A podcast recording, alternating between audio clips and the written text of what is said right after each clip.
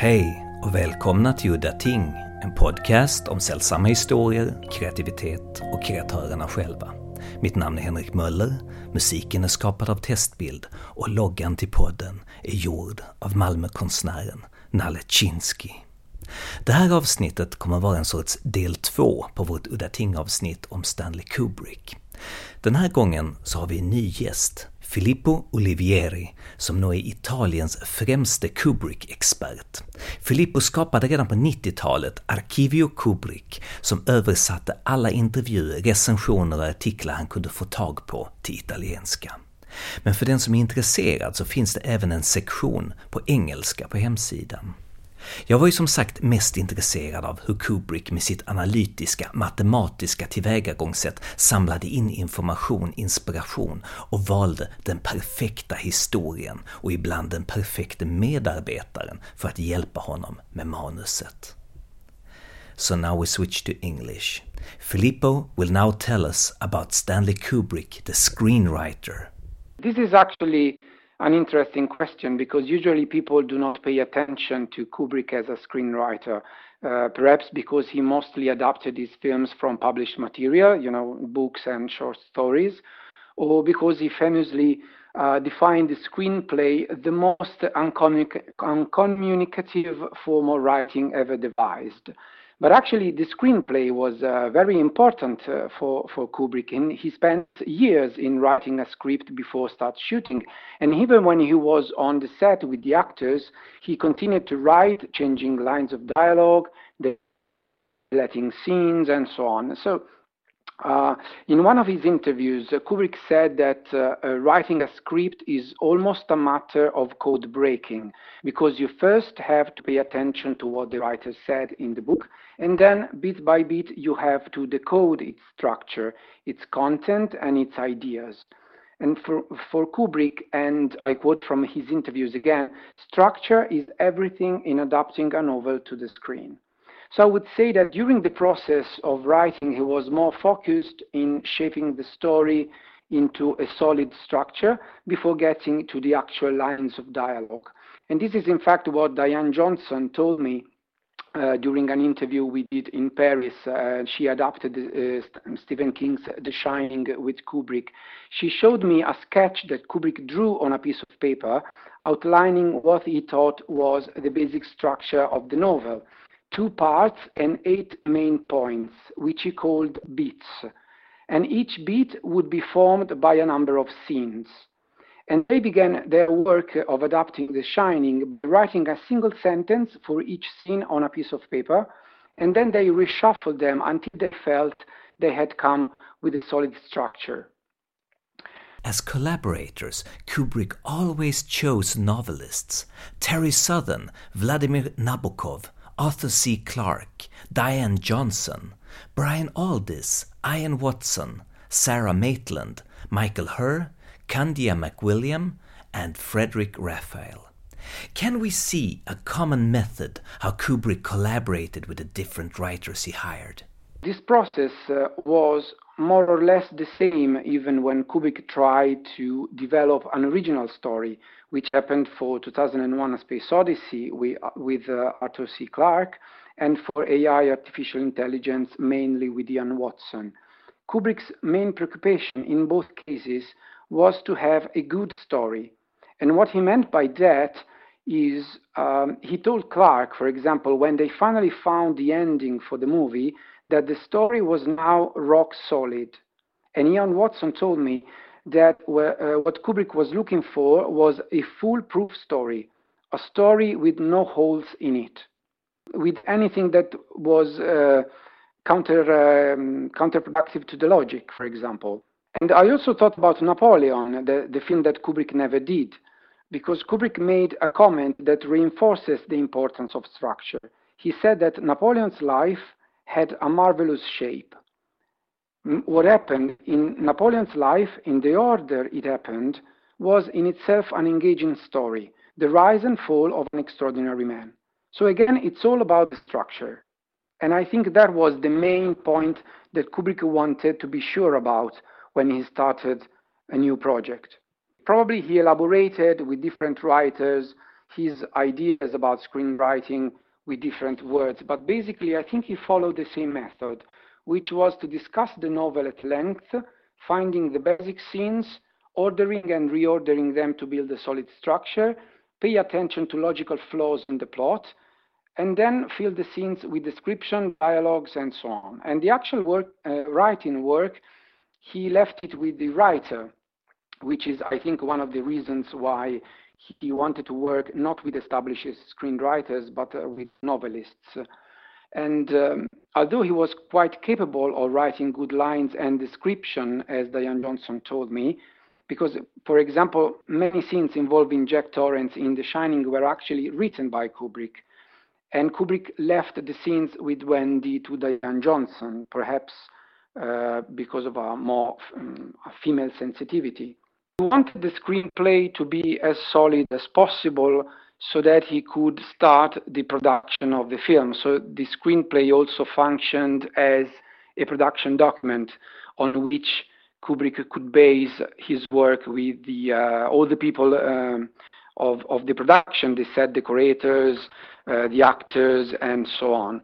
Uh, if you are wondering about what happened to the actual words that were on the paper, Kubrick used to elaborate uh, on them and uh, discuss them with the actors and perfecting them and try to perfect them with the actors. So he didn't stick to the actual uh, words that were written on the paper with the writer, but he also wanted to uh, to the actors to bring something on them, to change the dialogue if they thought uh, um, it could be improved. And many people have said that uh, the screenplay was for Kubrick only a blueprint. And I think that uh, uh, there is a truth in that but he also uh, worked a lot on it prior to the shooting. So I think we should try and find a balance or a reason why he worked so long on the screenplay. And uh, at the same time, he spoke about a script as an object that had no literary value. Kubrick always did a massive amount of research on the things and themes that were to be involved in the script this was all part of his um, research, his uh, preliminary work uh, uh, before um, doing a film. Um, for example, he spoke extensively with Diane Johnson about uh, the horror literature. They discussed uh, Wuthering Heights uh, and all the classic horror novels. They discussed Freud and the, his essay about uh, all the things that we found that we find scary and why we found them scary. Um, I am thinking about other examples, but for example, um, Full Metal Jacket, of course uh, looked into every book uh, written about the Vietnam War, and the archive in London now holds his library, and we have uh, I remember looking at the books about the Civil War, uh, the, which is another topic that Kubrick was interested in, and they have at least 70 books about the civil, the American Civil War. Uh, so his researches were really uh, extended and wide and profound. One thing that is interesting is the different stories, the dif different experiences Kubrick's collaborators have had. The, I'm talking about the collaborators of uh, his screenplays. For example, uh, Frederic Raphael and Brian Aldiss seem to have a kind of a some, somewhat negative experience and uh, has talked at some length uh, how difficult Kubrick was experience uh, by Ian Watson, the writer who came immediately after Brian Aldiss uh, is a bit different because, for example, uh, I interviewed Ian Watson uh, at length a few years ago, and he said that Kubrick was really mm, quite easy to work with and uh, quite open. Uh, so perhaps it, it, all these anecdotes tell us more about the writer or the collaborator than Kubrick himself. Are you right? That's an interesting observation. Clearly, Frederic Raphael is at the far side of the spectrum, uh, because his experience was not a positive one. But we also have um, quite a few examples of a positive experience with Kubrick, namely Diane Johnson, Michael Herr, Ian Watson. So it depends on the personality of the people involved, I guess. Ian Watson's story of working with Stanley Kubrick on AI is something that I've heard very little about. When he wanted to make a, a film uh, uh, on uh, artificial intelligence, he started with a short story by Brian Aldiss, Super Toys Last All Summer Long. And the procedure to expand this short story into uh, a screenplay was more or less the same that happened with Arthur C. Clarke uh, when he, they decided to take uh, Clarke's uh, short story, The Sentinel, as basis for the film. And uh, for 2001, they took the Sentinel, which they reworked into the uh, scenes that happened on the moon on the moon's surface, and then they added a variation on another story by Clarke for the um, prehistoric prologue, and then they completely invented the second part of the film on the discovery and the uh, the Star Child and all of that with Super Toys, uh, Kubrick started working with Brian Aldiss, uh, trying to expand this story. And the interesting thing is that when they tried to work, when they started working on it, it was the uh, the early 80s, and Kubrick at the same time was looking into a story about the Holocaust. And it's interesting to know that these two topics contaminated each other, or at least the topic of the Holocaust and Nazi Germany contaminated their ideas on super toys because Kubrick suggested all this that he read Primo Levi's novels about uh, Nazi Germany and being a Jew uh, deported in concentration camps, which uh, originated the some scenes with robots being put into a sort of concentration camp-like structures. And when uh, Ian Watson entered into uh, the picture, they discussed at length uh, the climate changes, for example. Ian Watson told me that one of the images that Kubrick definitely wanted to have in the film was the flooded New York. So they started to do research on climate change, for example. And at that time, it was quite a new topic. Uh, it was the early 90s. And um, for example, Ian Watson asked uh, a friend of his in New York to send him maps of the city with all the heights of the buildings to get a sense of which kind of buildings would have been flooded, which would have completely submerged, and things like that. So apparently nothing uh, was left uh, uh, unresearched during the, the, early, the early stages of a project? Well, I think uh, it was one of the uh, most fruitful collaboration, even if we uh, didn't really see the outcome filmed by Kubrick, but uh, it was eventually filmed by Spielberg. And uh, Ian Watson told me that the experience was uh, pretty much like starting to write a new short story every morning because uh, he went to Kubrick's house to discuss uh, some ideas and uh, then he went home and the next morning he started writing the ideas that were discussed the day prior and when he uh, met Kubrick again Kubrick was very good in destroying his house of cards, uh, Ian Watson told me. Uh, because he found uh, logical flaws in the plot. So everything had to be started again. And basically, Ian Watson wrote and wrote many variations of scenes for uh, around a year.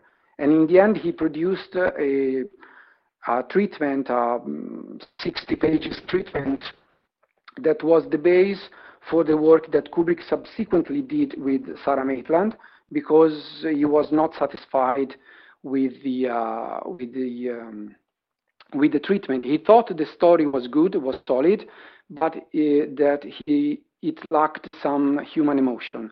So he contacted he contacted Sara Maitland, who is um, an English writer dealing mostly with fairy tales, and he want and Kubrick wanted her to put some magic into the story, to put some fairy tale quality.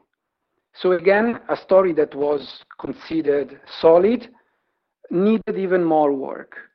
Did you ever go to Kubrick's house and look through the stables for material? No, no, no. I, I didn't visit Kubrick's house, and uh, the material that is online in my website is entirely public, meaning that I collected it by reading newspapers, magazines, buying things on eBay, browsing the web, and so on. And I do visit the archive that now is housed at the University of Arts in London whenever I can, actually, because it's of paramount importance for my work on Kubrick. Uh, I do think that only by studying the documents we can have a more truthful understanding of Kubrick's method of work. And uh, I am mainly interested in, uh, in, in, this because I, I don't like to critically discuss and appraise Kubrick's films.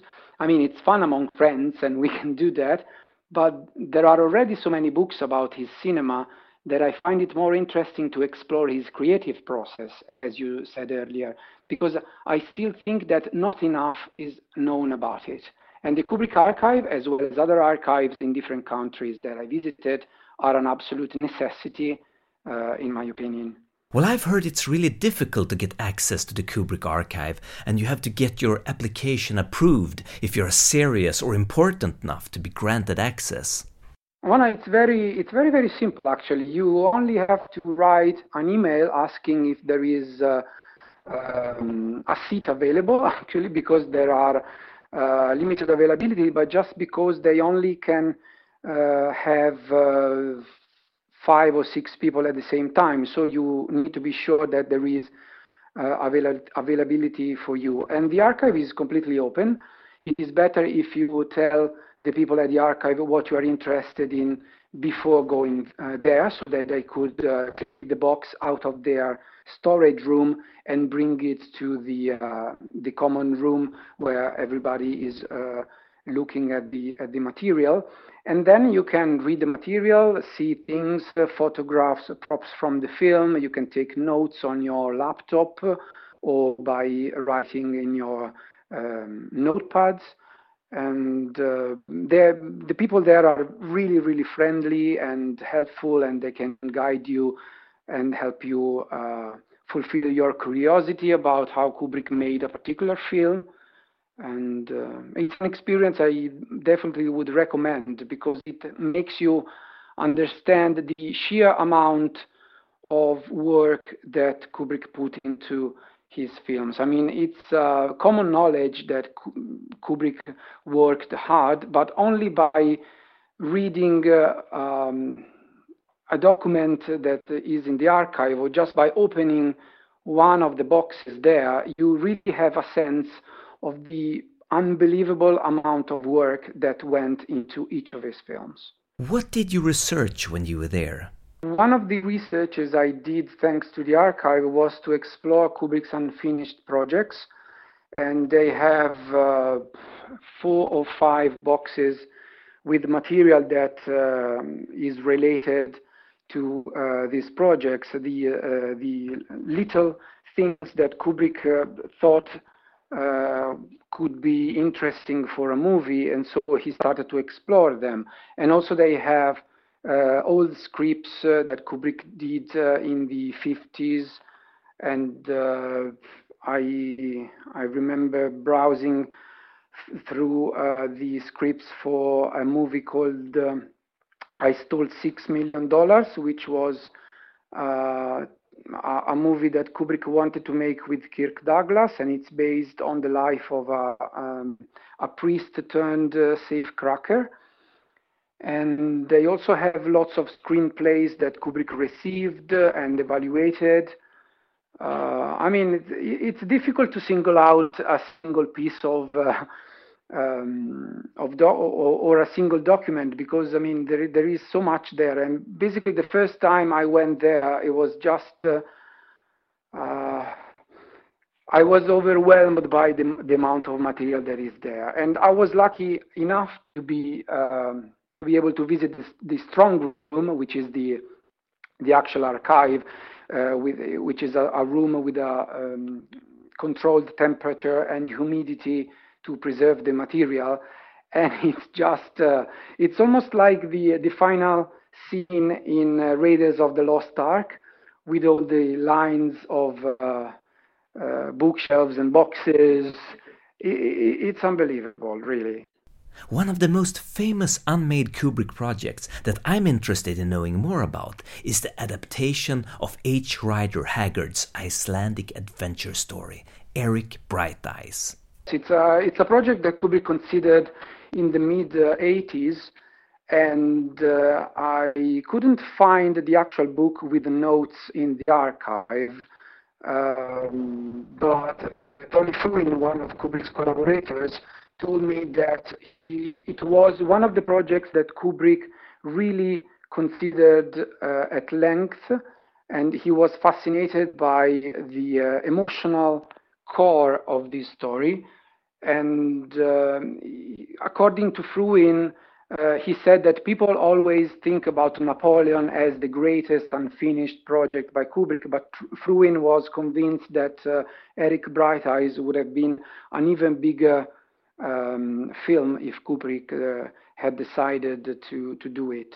I don't know the, um, the amount of work that was done on this project.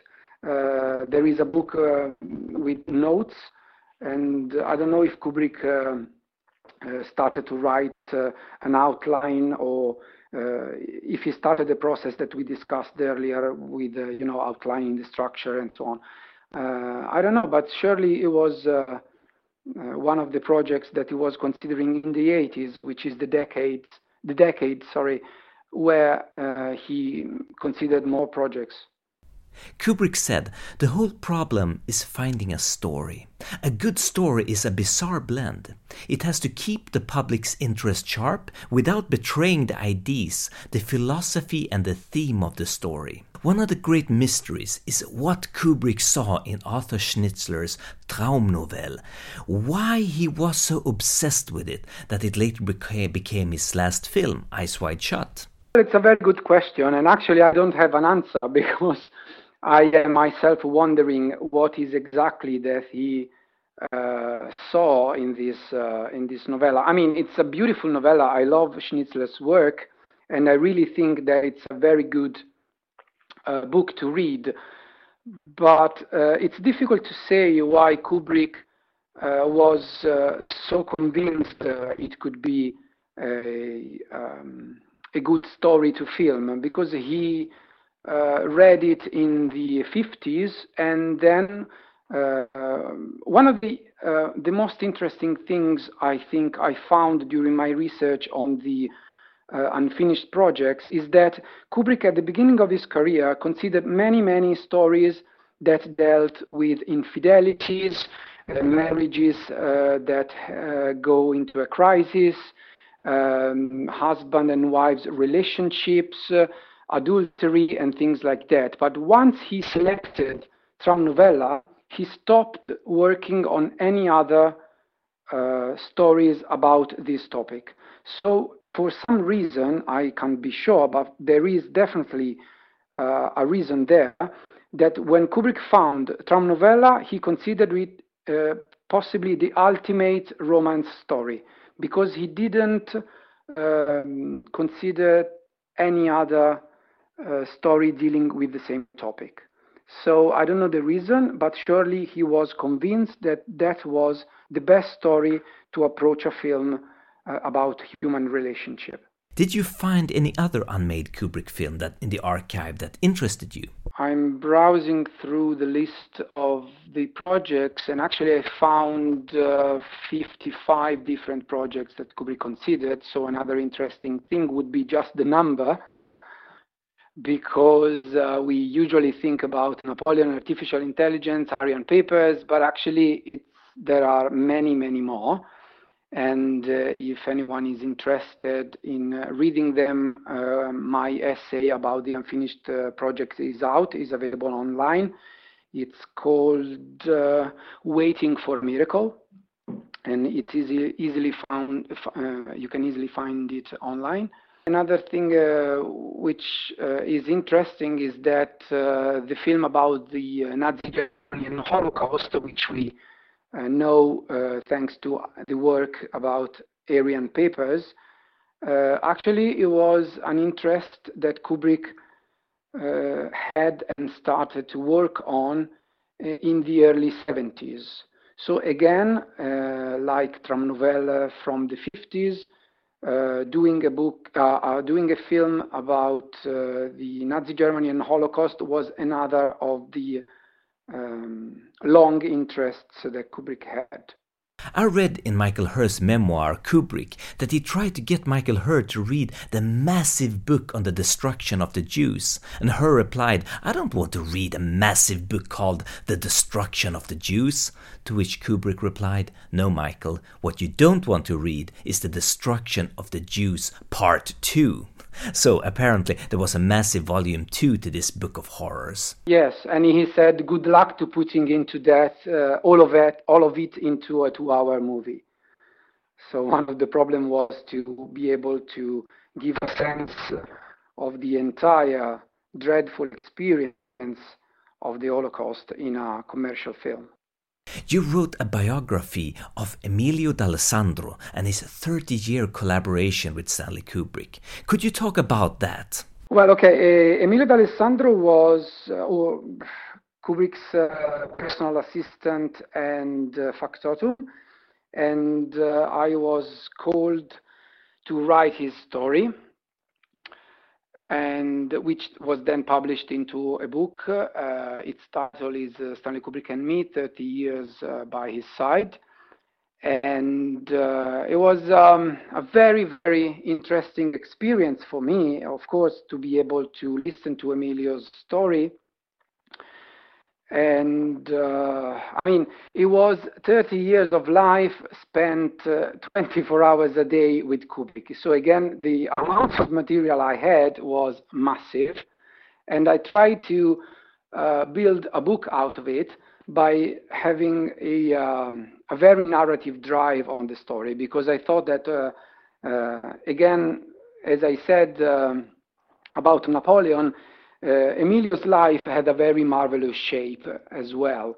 Of course, I don't want to compare Emilio with Napoleon in any way, but uh, Emilio's life story was extraordinary in itself, and the fact that he uh, he, he, was not interested in cinema at all, and ended up being uh, the assistant of one of the creative genius of cinema. So it's a really an unbelievable story. The book was later turned into a documentary film called S is for Stanley. Yes, the book was adapted into a documentary, uh, which I co-wrote with the director, Alex Infascelli. And uh, the, yes, the title is uh, S is for Stanley, and it's streaming in North America, and uh, there is a DVD distribution in Italy, and you can find it also in a European TV channel. There was another Italian with a connection to Stanley Kubrick. His name was Mario Maldesi. Could you talk about him? Mario Maldesi was uh, the director of the Italian versions uh, of uh, Kubrick's films from A Clockwork Orange to Eyes Wide Shut, and he was recommended by uh, was recommended to Kubrick by Federico Fellini and I was lucky enough to be able to talk to Mario at length about his work with Kubrick, and uh, he also had uh, lots of fascinating stories. He um, phoned to Kubrick uh, discussing every line of dialogue, and Kubrick also sent him uh, a few letters that um, Mario showed me and that I I could put online on my website. Uh, Kubrick was very complimentary about the work that um, Mario Maldesi did. And um, I remember one, um, how, I remember how Mario Maldesi encapsulated his work with Kubrick. He said that for Kubrick, uh, a foreign version of uh, one of his films was like a twin brother of the film itself. So he put into the foreign version the same amount of care and passion and love and preciseness uh, that he put into the actual um, original film in English. and uh, their relationship uh, was really, really good. And uh, again, it's one of the stories where everything happened uh, in a positive uh, and collaborative way. Um, yes, and unfortunately, Mario passed away a few years ago. I heard that Mario taped the phone conversations with Kubrick. Have you listened to them? Uh, yes, I listened to the tapes, yes. And uh, they are very, very um, even amusing if you are listening to uh, uh to them with a certain detachment, uh, because sometimes Kubrick disagreed with uh, the choices that Maldesi proposed, but Maldesi was really insistent on them because he told me um, that uh, Kubrick didn't know about Italian actors. So maybe he was convinced that a voice was good, but he didn't know, for example, that uh, a particular actor was doing a number of TV commercials. So uh, Maldesi thought that there could be a risk for the audience to associate that voice with a TV commercial.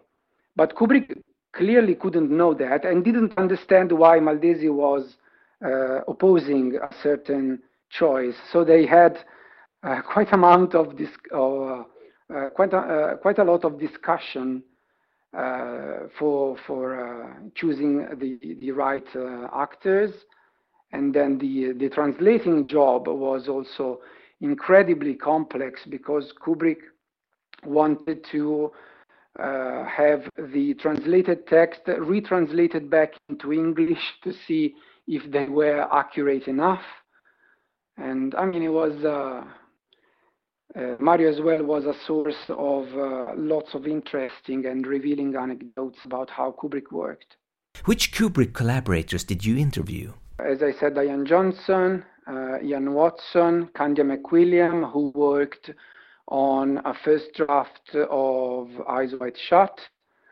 And I interviewed um, lots of uh, actors uh, in, in Eyes Wide Shut, basically all the uh, extras in the crew, uh, the choreographer Yolanda Snaith, and uh, James Harris, Kubrick's producing partner in the 50s and 60s. Uh, we spoke uh, perhaps uh, five or six times on the telephone.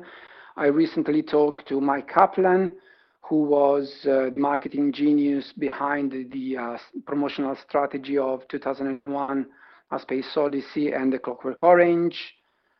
And I spoke to Leon Vitali a few years ago, uh, Jan Harlan, Tony Frewin, uh, for my researches about the unfinished projects.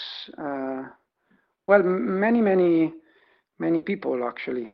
One of the collaborators that I'm interested in talking about is Scottish writer Candia McWilliam. She was also interviewed in a documentary by Paul Joyce, which is now included in the special edition of Eyes Wide Shut in DVD or Blu-ray.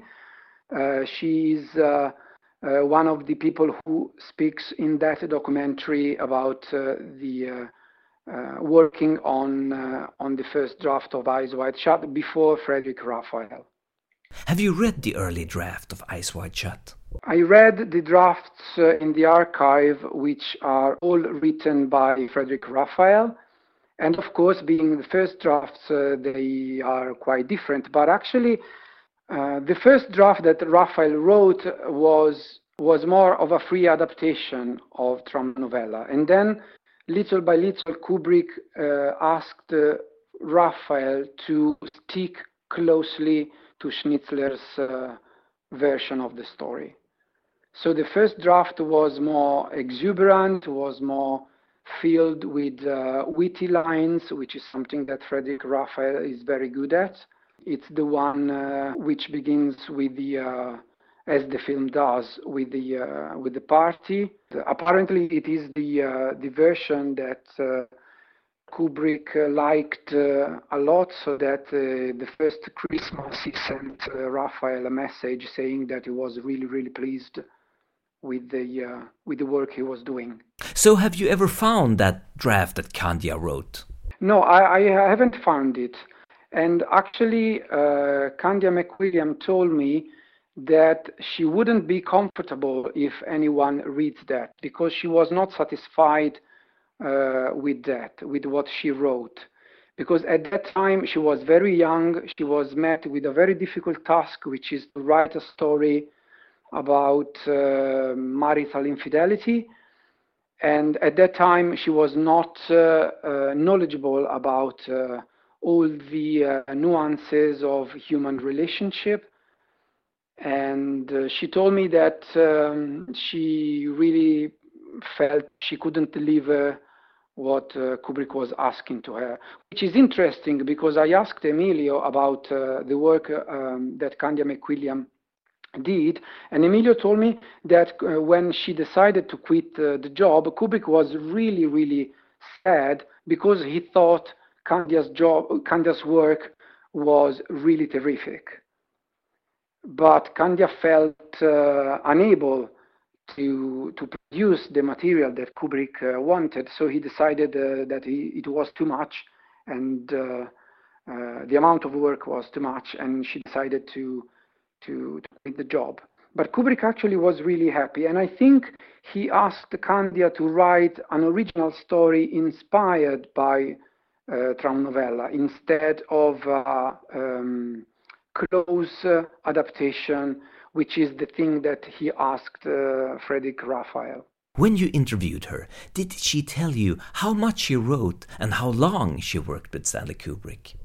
Uh, yes, she she stayed for um, she stayed um, she worked with Kubrick for a month and a half, more or less, if I remember correctly, and uh, her experience was uh, very similar to that of Ian Watson, for example, which is Emilio went to pick her up uh, at her place and drove her to Chicago, and then they discussed uh, together all the uh, topics, uh, all the the themes in the story, and they began discussing the screenplay and what Kubrick asked her was to write something inspired by the novella because at the beginning Candia had reservation uh, reservations about uh, the uh, the original story. So Kubrick said, just write something uh, about a married couple.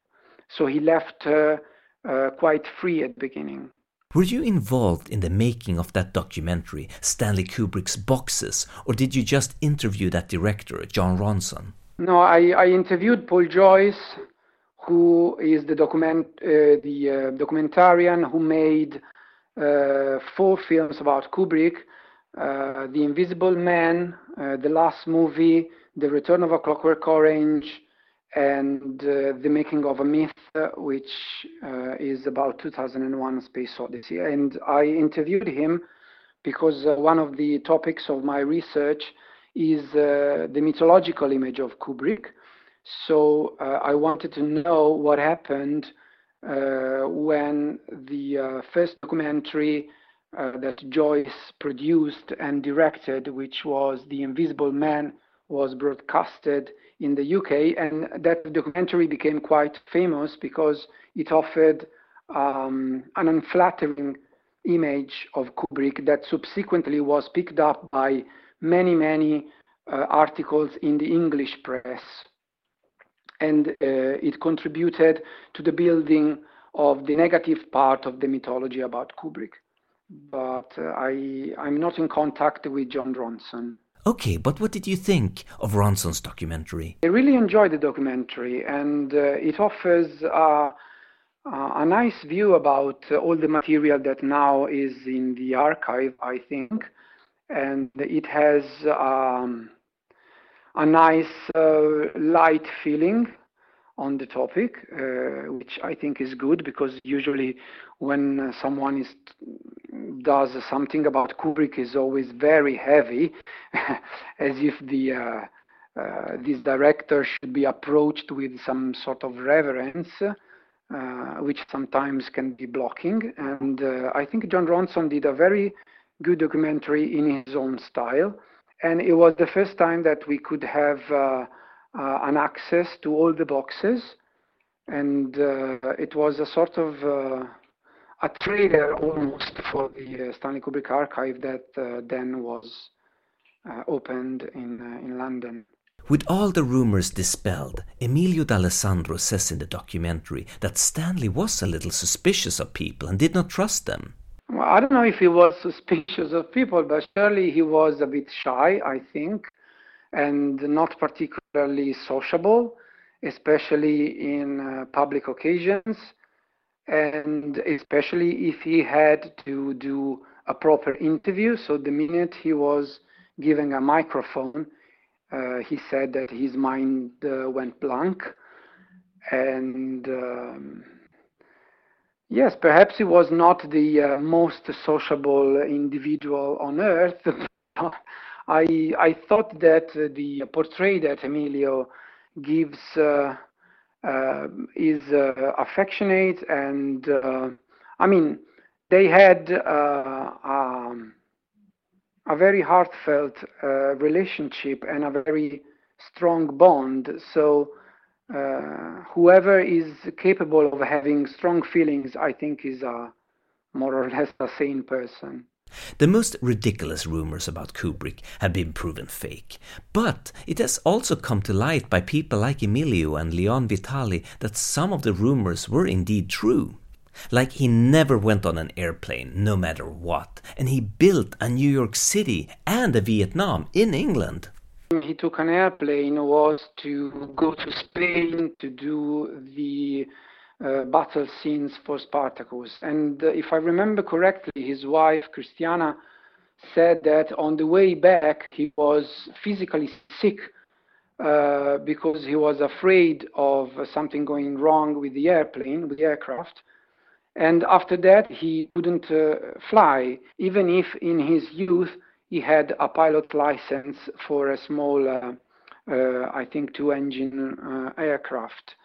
But again, uh, I mean, lots of people are scared of flying, and it's only when Kubrick is involved that something becomes weird or uh, a peculiarity or an eccentricity. Uh, I was interested in, in that, in why even normal traits of uh, human character can become um, weird things if associated with Kubrick, and uh, especially this fear of flying. I mean, it's quite a common phobia, uh, but it, it, was used as a, um, as a way of saying that Kubrick was uh, too peculiar or even insane sometimes.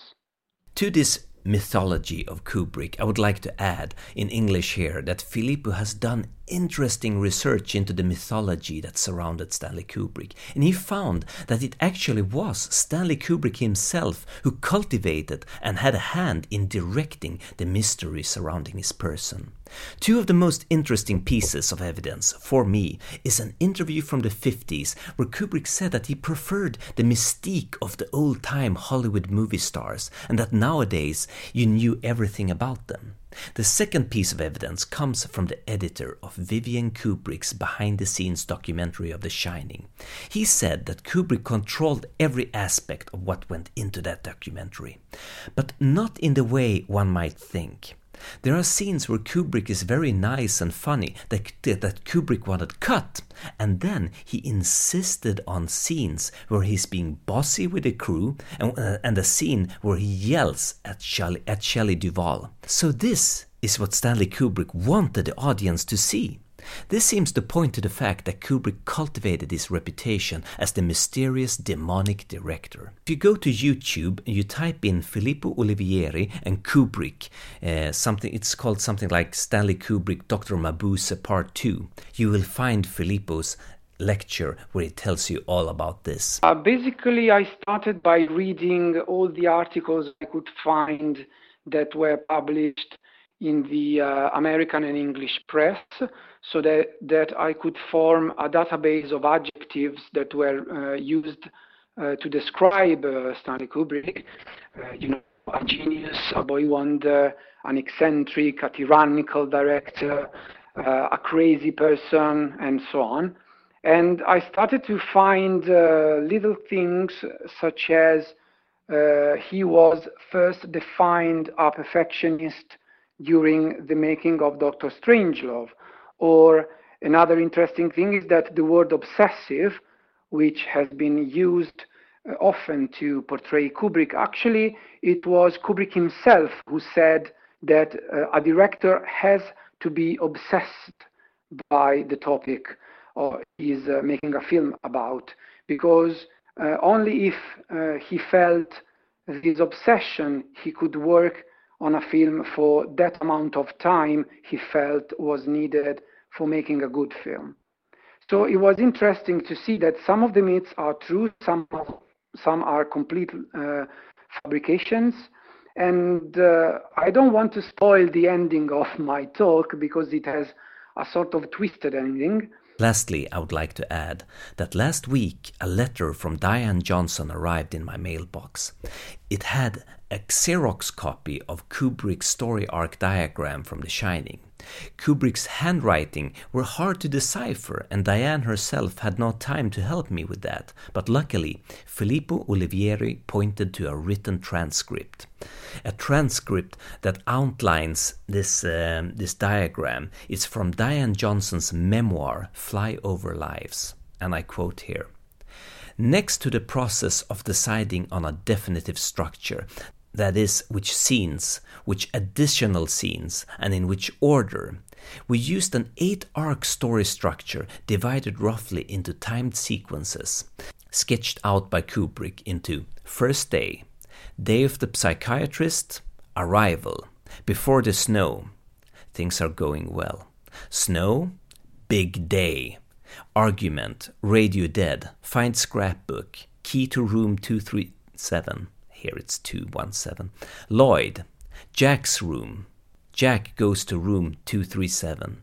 Night scene with snow cap distributor cap. Last, elevator. Call to Hallorann. Last 24 hours of terror.